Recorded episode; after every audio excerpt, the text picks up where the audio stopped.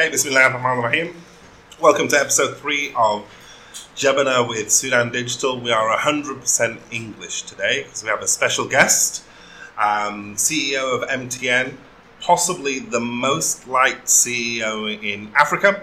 Uh, as one of our team calls him, Sudan's most decent man, the great and wonderful Malik Manam. Welcome, Malik. Assalamu alaikum, Bismillah ar-Rahman rahim Thank you for having me here and, and, and thank you for your kind words. Oh, Yeah. You're very welcome. They're, they're not my words, they're the words of the street. You genuinely are the most liked CEO in Sudan. Uh, I hope that one day I'll achieve that status. so, listen, um, Malik, we don't do sponsorship on uh, the podcast, but I like to promote uh, independent companies. So, these are cinnamon rolls from uh, Choco Loco. Yes. Choco Loco. I see. Make sure we add in um, the Facebook page on the copy because these are amazing. Okay. I mean, it looks very good. Dangerous for me, but I'll try it because uh, because I know Choco Loco as well, and and likewise, I think it's important to to support young entrepreneurs. So well done.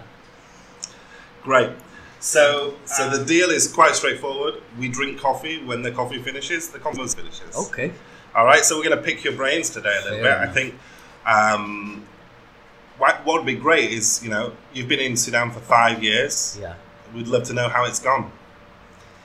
Um, yeah, well, uh, f- five years, and as I was having a chat with your with your team here before, I was saying, um, what a wonderful place from a from a personal perspective. Um, Sudan has found a space in my heart, definitely. What I did when I first came here is I did a, a, a road trip for eleven days. I did five thousand kilometers Wow. across this country. I've seen every corner of the country. And um, I think what Sudan has to offer culturally, historically, is very understated in the world. It's amazing what, what you find here. Um, we all know that Sudan has gone through a tough time. So, from a business perspective, it's been difficult. In one side, it's a very tough place to do business. But at the same time, that's rewarding because at, at, at this point in time in my career, you know, you tend to start thinking, okay, I've I've done everything, I've learned everything. Now I should just cruise. But what uh, what has happened to me in Sudan is Sudan has taken more out of me. It's made me realize that I had more to give. Yeah. So so it's been it's a tough journey, but um, I'm I'm a, I'm a Pan African. I Yeah. think my my journey is to try and see where I can help in every corner of this continent, and I think Sudan has given me the opportunity, and it's also given me the opportunity to learn. Yeah. It's also given me the opportunity to see how much potential this continent has. Um, I, I tell people without any doubt, I've worked in, this is the ninth country in Africa where I've worked, and um, just the basic capability, particularly in the IT and IS space, um, it's the basic capability is the highest I've seen. Yeah, mashallah. in this I found country, the so same. You know, I was really surprised when I moved to, to Sudan at the caliber of, of kind of young graduates that are coming out Yes. and, and the caliber of knowledge and capabilities that that exists. And um, you know, I think for me personally, uh, you know, you've been a great friend, Yes. uh, a mentor, a teacher, a coach. Uh, I know that people looking in may think that me and Malik are the same age. We are not the same age. He's telling, he's telling my secrets. yeah, yeah. I mean, Malik, to, by, by way of confession, I'm actually a grandfather, and a Ajid. That's yes, impressive, right? an Ajid. I have, I think I have, I have probably my my first two, and possibly my third. I have four kids, but I think my first two might be the same age or older than some of you. So Malik, uh, you work like you said, you're Pan African, and uh, I'm curious as to like as you travel around Africa and as you look at uh, other countries in Africa, how do you see the, the digital opportunity in Sudan compared to other African countries?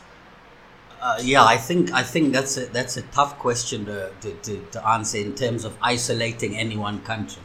I just think the, the opportunity is massive in this whole continent. Even countries that I haven't seen. It, it must be. Um, Yeah. We have we have the youngest population in the world, right? We have a population that is craving for information and growth. We have people who are very innovative because of the circumstances Yeah. in which they live, and we have people who have a story to tell. So that must be an opportunity for, for, For digital. I don't think I would isolate any one country. They all have massive opportunity.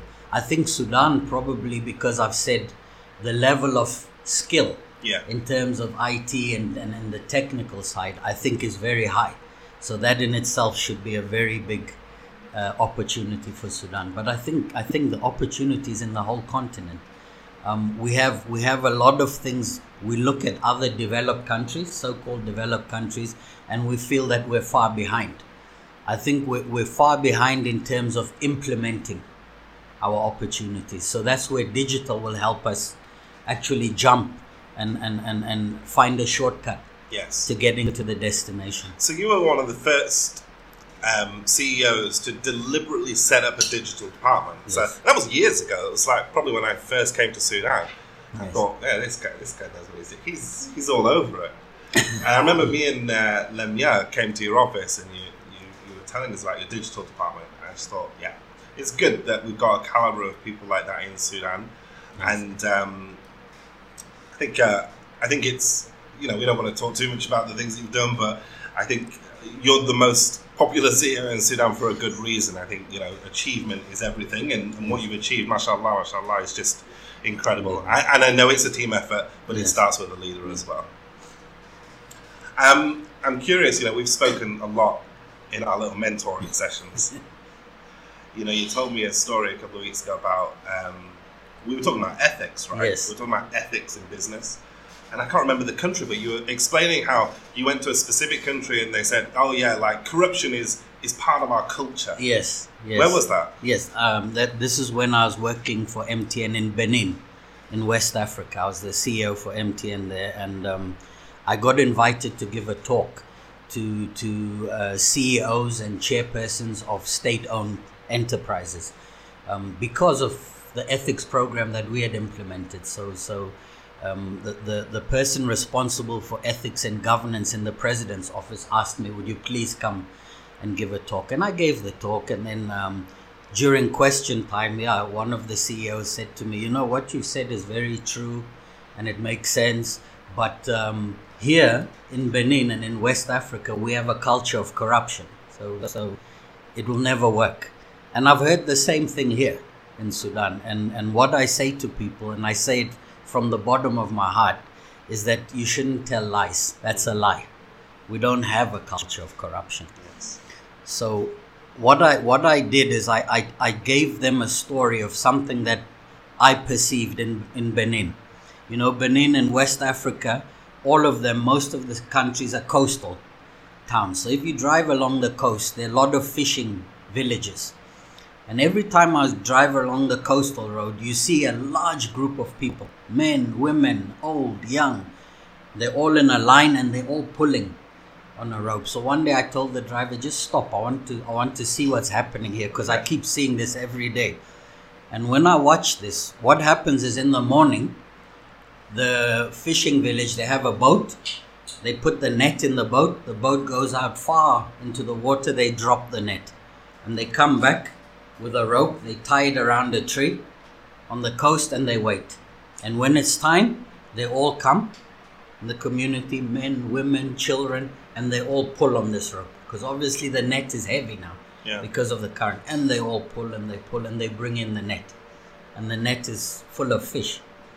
And then what I saw happening is everybody who was pulling, when the fish are in, they go and they get they all come with a little bowl, and everybody gets a share of the fish. So I asked them, I said, How long have people been doing that in your country? They say, For centuries. They say it's part of our culture. Yes. And I said, So a culture where everybody shares, is there room for corruption? They said, No. I said, So that's your culture. Yeah. The one that you're talking about, about corruption, is something that you've adopted from somewhere else. But if you stick to your culture, you'll avoid corruption. And you see the same thing in Sudan, like, and wherever I travel in, like small cities or small villages in Sudan, Yes. it's very much um, a one people culture, a sharing 100%. culture. Hundred And percent. uh, I agree totally. And I don't, I don't buy this concept that that any peoples are inherently Never. corrupt. Actually, Never. I think inherently we're all good people. It's Yes. about the systems we build around us, right? Hundred percent. So I mean, I'm I'm I'm an ethics practitioner as well. I'm actually a, a, a certified ethics officer, and and one of the things I've challenged the academic world is exactly what you said. We create systems that create corruption, Yes. that create unethical behavior. So in my company, if I have a code of ethics, right, everybody thinks we're a good company. Tick the And box. Everybody ticks the boxes Yeah. if you follow the code of ethics. But in those codes and the laws regarding ethics, there are a lot of loopholes, Yeah. right? And people use those loopholes. And when you catch someone and say, but that's unethical behavior, they say, but it's not against the regulations, Yes. right? Yeah. But if people stick to their normal cultural values in the country, that's what you should use to assess your behavior. Yeah. But we create these rules and people hide behind them. Yeah, I didn't like break a- any law. Comfort blanket. The law doesn't stop me from doing that, Yes. right? But actually, your values and culture in your community, you, you shouldn't do that. Yeah, and it's also it's not Right. it's not a it's not a Pan African problem alone, right? No. So in the UK, Worldwide. we had we've we still have the issue of, of corruption Yes. in lots of different areas, and even um, there's this whole the was at least before I left this whole argument of tax uh, avoidance versus tax evasion, Hmm. right? So you can work within the law and pay the wrong amount of tax, 100%. which is essentially evading tax, 100%. and it comes down to like you know your morals. What does your internal? uh, You use this term with me a lot. It's like what does your internal compass tell you? That's it. That's it. Everybody has to understand that ethics is about the values that you bring with you from home, from your parents, from your religion, from your schools, from your community. Right? So I, I will remember when I was a youngster in South Africa in the township, we would wander to the other side of the township. Right? But everybody there, thousands of people, but everybody there knows whose child you are. And we were naughty. We would go and we'd find a tap outside someone's yard and make a mess, and they'll catch you and they'll give you a thrashing. right? Because, right? But today, if someone did that, as a youngster, I'll say, child abuse, you have no right, you're not my parent. So that's what, that's that clash of values. And with me, when I get that thrashing, I make sure between there and getting home, all my tears are dry. and that because if I get asked, why are you crying? Yeah. Then I'll say, so and so gave me a hiding. Automatically, they say, you must have done something. Yeah. So it's that, that value system in, in your community. You mustn't lose it. And as young people, you must find it. I think one, that's one of the challenges. I feel sorry for kind of like this generation, you know. Um, for, for the most part, they're growing up in a world where those those cultural values, those moral and ethical standards, they just haven't been imprinted as deeply as they were in our in our generation. 100%. And so, how can we get around that? How can we help this kind of generation truly understand what business ethics and just ethics Yeah. in general mean? I think I think at, at the end of the day, what we need to accept first is that in our communities, especially in Africa, everything is still based on relationships. Yeah. So that that's what we have to use to get back to where we come from. You know, Yes. to understand. We need to face the modern world. We need to face the digital world, but you need to face it with our values. Yes. At the moment, we're facing it with values that are not ours. We're not good at them. We don't know them. And that's why we see so many problems Yeah. in our communities. So I think the starting point for me is to start talking Yeah. and maybe even use the digital channel because it spreads. Everyone's using internet, everyone's listening. Start talking and finding what are those values that, that, that, that really we have as a community and we can use them to be successful even in- in a modern world. The problem is everyone almost thinks that our traditional African values are not modern Yes. right? But you must understand that the Western values that we use, right, they were not always modern. Correct. They're based on something. Correct. They have an intent. They have a way of building communities. So we need to find a way Correct. to start sharing that. I mean, I gave you the other example about about customer service Yes. right? So most people will say to us that in, in Africa we don't have a culture of service. Even some of my staff say that. "Oh, we don't have and I say, okay, but if, if I come to your house as a visitor, how do you treat me? In Sudan. I mean in Sudan it's crazy. They even want to put the food in my mouth. Right? If you have only one chair in your house, who's gonna get the chair? Your visitor. When your visitor arrives, everybody's there to welcome them. That's our culture. That is so deep in our culture. But I take the same one of you who does that at home. So I ask them, why do you do that at home? They say, no, this is our community. We want guests to feel welcome. Then I take that same person and I put them in a shop to do customer service and I'm paying them for it. And when a customer comes and they go, hmm. so I ask, but at home, how much do you get paid for doing that? They say nothing. And I said, here, you get paid for it, but you can't even welcome a customer? Does that make sense? It means we've forgotten our culture. Yes. We, we create we create spaces where we forget our culture, whether it's rules and laws or offices or a company. Now I'm in a company, I can forget my culture. It doesn't make sense. Right? It doesn't make sense. So everybody says to me, You're a very humble person, you're very, but that comes from my culture. Of course it is. Yeah. My parents taught me you be polite to everybody, no matter what, even if you meet them in the street. You be polite to every human being. That's my culture.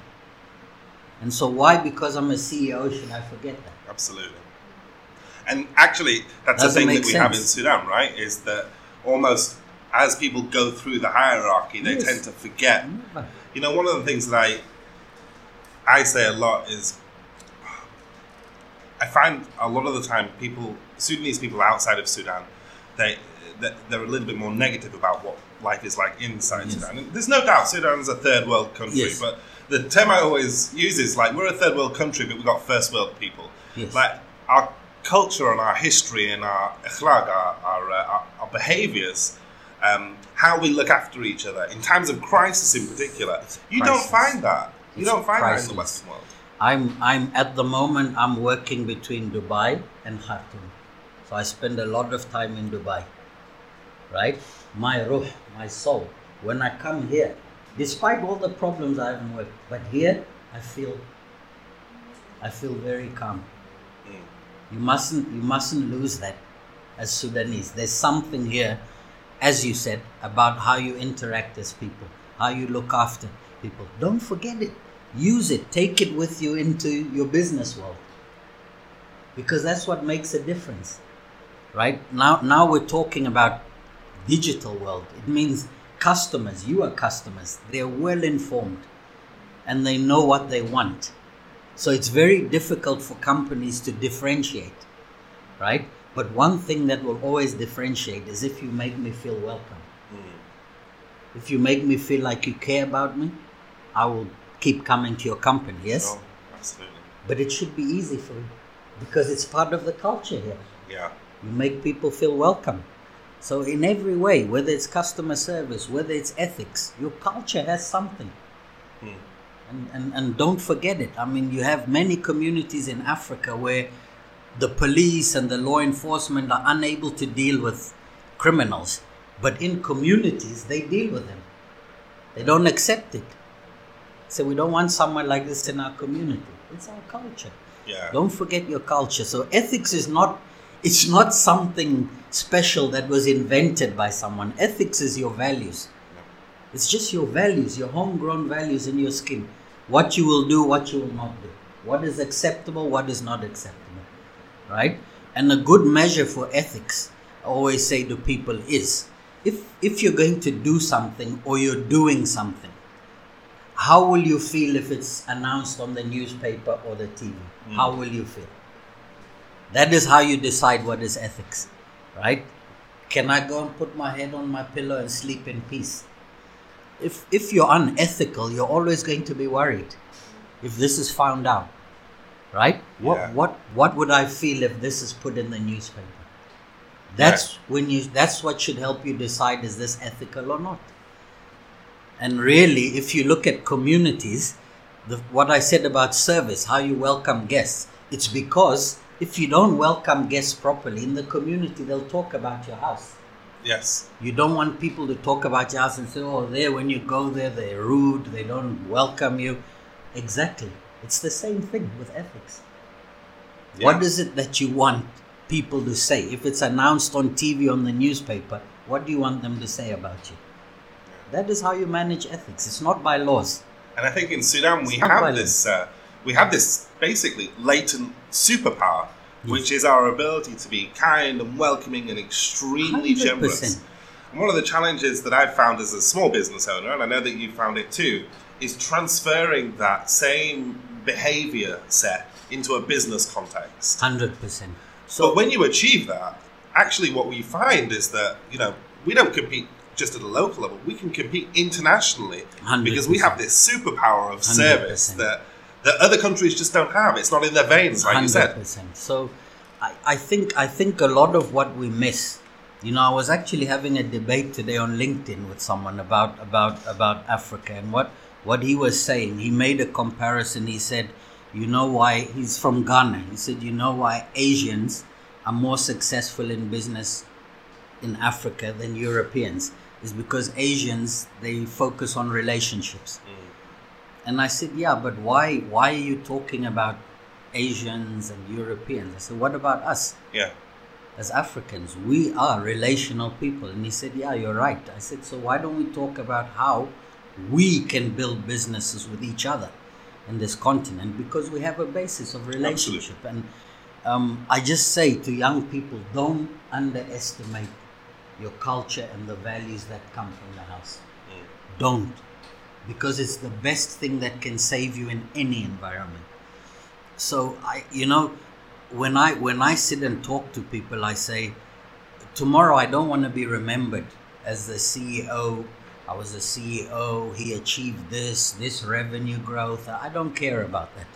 Honestly speaking, every day, all I say, and I pray to Allah, is that the day I'm buried, I just want people to say he was fair and he was honest. Yeah.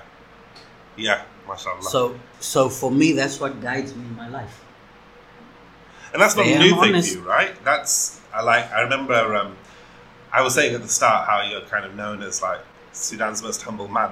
You are like incredibly humble, incredibly incredible humility, and um, that has steered you well in business, right? I mean, I remember you telling me a story. Of, I can't remember the country again, but it was you, you went to um, a, a tribe somewhere, and the leader of the tribe gave you like a, a sash or something. Okay, yeah. Again, in, in Benin. Was that Benin as well? Yeah, again in Benin. When when I arrived in Benin, there's a there's a there's a large area in the country where we had been trying to deploy 3G, but for some reason the local authorities, I think they were working with our competitor. They kept finding reasons why we shouldn't. So my team was saying we must go to lawyers, and then so I asked them about the area right? And the area is still no, it's a kingdom, a West African kingdom called the Abomey King- Kingdom. It dates centuries, um, and and they still have their king, and their king still sits in that area, and he's still revered. And I said, but the same local authorities who are giving you problems, that's their king, yes. They said, yeah, okay. I said, okay, fine. So what we're gonna do is we're gonna go and ask for permission from the king. Mm. But we're going to do it like anybody in the community, how they respect the king. And we went. We went to the king, an MTN team, and I went in front of him on my knees as the CEO, and I explained to him why we're here, what we're trying to do, what is the benefit for his community. You know that he didn't even he didn't even think about what I was asking for. What he asked himself is this guy's a CEO. He's not even from this country but he knows to come and show me respect. And I promise you, after that, my team they deployed Yeah, their 3G with no headaches, right? And and uh, what uh, what what your CEO was saying is for that he actually I'll look for the picture and send it to you. Yeah. He, he he actually crowned me as an honorary prince of his kingdom. He actually put the robes on me and but That's right. I'm- I'm- got Prince I'm- yeah. Malik in the office. So I'm I'm running a modern business that's driving technology, right? And the only solution anybody had is let's fight him, let's go to lawyers, let's and look at that simple relational thing. And it relates to the culture of that, that place. Everybody, no matter who it is, even the governor of that, and the way he respects the king, they all go, oh, so that's what I do. I uh, like I have similar experience, but I was never crown prince in uh, in Al Ubaid, where and actually I you told me this story before I went to Al Ubaid. Yes. And uh, there's this small part of Al Ubaid called Hayy Sharqa, and they've never had like a 4G tower. They've never had a uh, Yes. a tower actually in that space. And I kept asking why not, why not, why not, and they said the the legend, the the council thinks that there's like health issues with it. So, you know, taking your Yes. advice, I went there and I sat with them and I listened to them and I showed them evidence and all I did was actually the same as what you taught Just me to do. human. Just be be Sudanese. Yeah. Just be no suit. I went with a jalabi Yes. uh, and went and hum- humbly Yes. requested. Yes. And ultimately, they, they approved and, and they now have like a, a, a tower there. And it's surprising how much you can get done just by being nice, by being hu- human. And and what you're giving that example is exactly in everything, ethics, whatever it is in your business. I'm saying let's not forget our human culture, our human values in this country. How do we talk to each other? How do we deal with each other? It works for any business. It works for any business.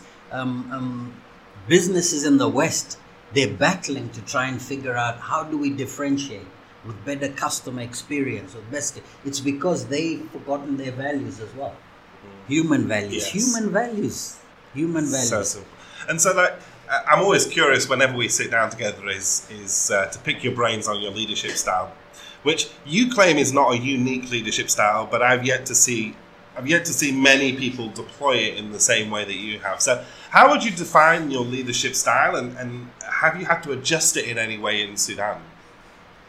Yeah, I think I, I, I think you, you, first of all, what I always say about about leadership, it should be situational, right? But at the core of, of, of leadership, always has to be my value system. So my value system has never changed. To be fair and honest, and it means both ways. Being fair and honest means when someone's not doing well, to be able to tell them, and to be able to tell them why and what they need to do to improve. But when someone is doing well, is to celebrate them Yeah. and that. So, so being fair and honest is at the core of my leadership style. Another layer in my leadership style is that I believe that my job as a leader, I actually said it to the team when I arrived in Sudan and every, my job as a leader is to work myself out of a job. Is to create an environment, is to provide support, motivation, direction to people who know better than me what needs to be done. Yeah. And once they do that when they're flying, I must just stay out of their way. Yeah. That's that's my leadership style. Yeah, I think That's that that's as, as simple as it is. uh, me and Asila were talking about this yesterday. Actually, we were talking about how, in my world, my whole job is basically building a road behind me, and then team behind me, and road behind me, and team behind me. Yes. So essentially, you know, I don't want to work myself out of a job, but I do want to work myself onto a beach with a book where I can relax. Well, well, you know, just that point of working yourself out of a job. So I've always made an effort as a leader to work myself out of a job, to get to a point where it doesn't matter whether I'm here or not. The team knows what to do. So during COVID, I've spent six months locked in Dubai. Right? Company didn't fall apart. yeah, of course. So that was a test for It me. thrived. It thrived. But that's a test for me, and I say, ah, they don't need me anymore. yes. And now a lot of people in leadership are afraid. Yes. If I lift someone to a point where they don't need me, I will lose my job. Yeah. And you see But that a I've been, Yeah. I've been, I've been a manager or an executive for thirty years now. I've never needed a job. I've moved. When people move up, I move somewhere else where they need me. You'll never be short of a job. Mm. So that is a, that is a false fear. Yes. If you develop people and bring them up, you'll never be short of a job. Never. Never. I'm at the point where I'm now thinking about retiring. And, and, and you know, people ask me, what, what, what is your objective in life? And I told you, my Yeah. objective is just to grow leaders. Yes. So I'll do it anyway. Doesn't matter which company it is. Somebody needs help. Someone needs guidance. I'll do it. Because Yeah, but my people job say is to grow that. People, people say, you know, my job's to grow leaders, but you know, I've seen it with my own eyes. You you genuinely have built proper leaders in Sudan, and so you know, uh, oftentimes when I hear people say, "Oh, you know, Sudanese people can't," or "Sudanese people shouldn't," or and then I look at what you've achieved, and on a very very small scale, what we're achieving here. And I think that's just nonsense. There is no inherent issue with Sudanese people. But quite the opposite. We have an incredibly intelligent, large population of working people who, given the right opportunity and, most importantly, the, the right leadership, can in themselves become leaders. It's otherwise, what are you in leadership for? Yeah, If I'm in leadership to sit and be a CEO in the same place for 20 years, there's something wrong with me. You know, I must always be wanting to move, develop people and move, develop people and move. For me, that's my pleasure. There's, uh, I don't see any other reason to be a leader. Otherwise, what, what, if, who are you leading then? yeah, um, you grow leaders. Your job is to grow leaders. And it's not it's not difficult. It's just again the values story. And and it's it's about believing. Many people say it because you can read it in textbooks. Yeah, this is what you're supposed to do as a leader. But um, at the end of the day it has to come min qalb. Yeah, yeah, and I wake up every day and you know you can ask some of my colleagues when sometimes when I promote them I have tears in my eyes. Yeah, because that's what else are you what else are you in the world for? yeah, man. If you're not adding value to people, what what are you here for? And I think one of the things that I've noticed with um, your teams, without mentioning specific names, is that you've done, you tend to do the thing, and you taught me this as well, which is that you know you've got this high population of, of intelligent people, but they're book smart, not application smart. And you have these like one-to-one sessions or these group sessions Yes, where you listen yes, to people yes. and then you give them advice. And that really, to me, it sounded like a vehicle for them to learn how to apply the knowledge they Yes. learn. Yes. Can you tell us about that? Um, yeah, in, in, in my first two years in Sudan, I conducted what I call management and leadership sessions, and it's voluntary. Anybody who wants to attend, and, and I spend time talking about leadership, management, and, and my experience, the mistakes I've made, the things that were successful, why I think they were successful. Um, I, I first got appointed to be a manager, I was 24 years old. And now to let you know my secret, I'm 54 years old. so I've been managing people for 30 years. And what I learned when I was a young manager, I still apply the same thing now. Um, when I became a manager, I was given a team of 42 people, and only two of them were younger than me. And I thought, how on earth am I going to? It's because to start with, the older ones will automatically think they know more than me. Yes. So how am I going to manage to lead these people? Right?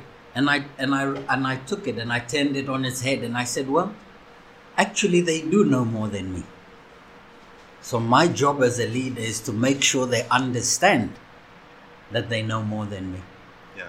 And my only job is to make sure that everybody in the team is facing the same objective and that they know that they know more than I do. And that's how you switch people on. If someone believes that you believe in them mm.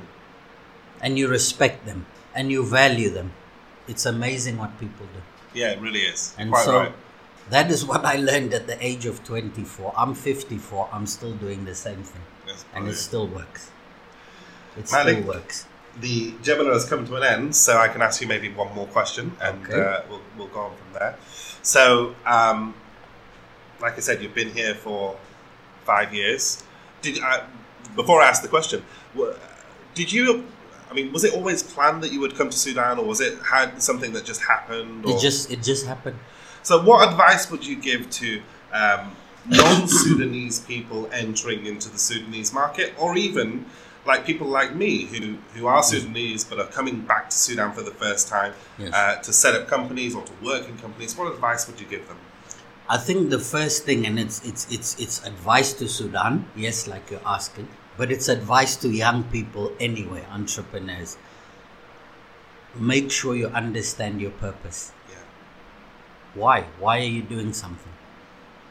You know, um, it's not enough to want to come back to Sudan because somebody told you there's an opportunity where you can make lots of money. Right? One of the mistakes that this world has conditioned us now is that we think money first. I want to make money. And everywhere we look, you look in social media, they're always talking about Bill Gates and how many billions, and that's the problem. It's it's actually conditioned us to think that that's what you have to chase. I want to make a billion, Yeah. right? But even those people, the Bill Gateses and the Warren Buffetts and all, the thing that made them successful is purpose. Yes. Everything you want to do, when you think about it, always ask what is the objective. Right? So there's a big conversation around the world. Even now in Sudan, it's exploding. We need to go for digital transformation. And everyone runs and they start chasing the technology side of it. As opposed to the And why. then they get frustrated as it's not working. exactly. And it's because at everything you do, what is the objective? Right? And then as a human being from your value set inside, try and picture what value you're going to add. Right? Not what value you're going to get. Right?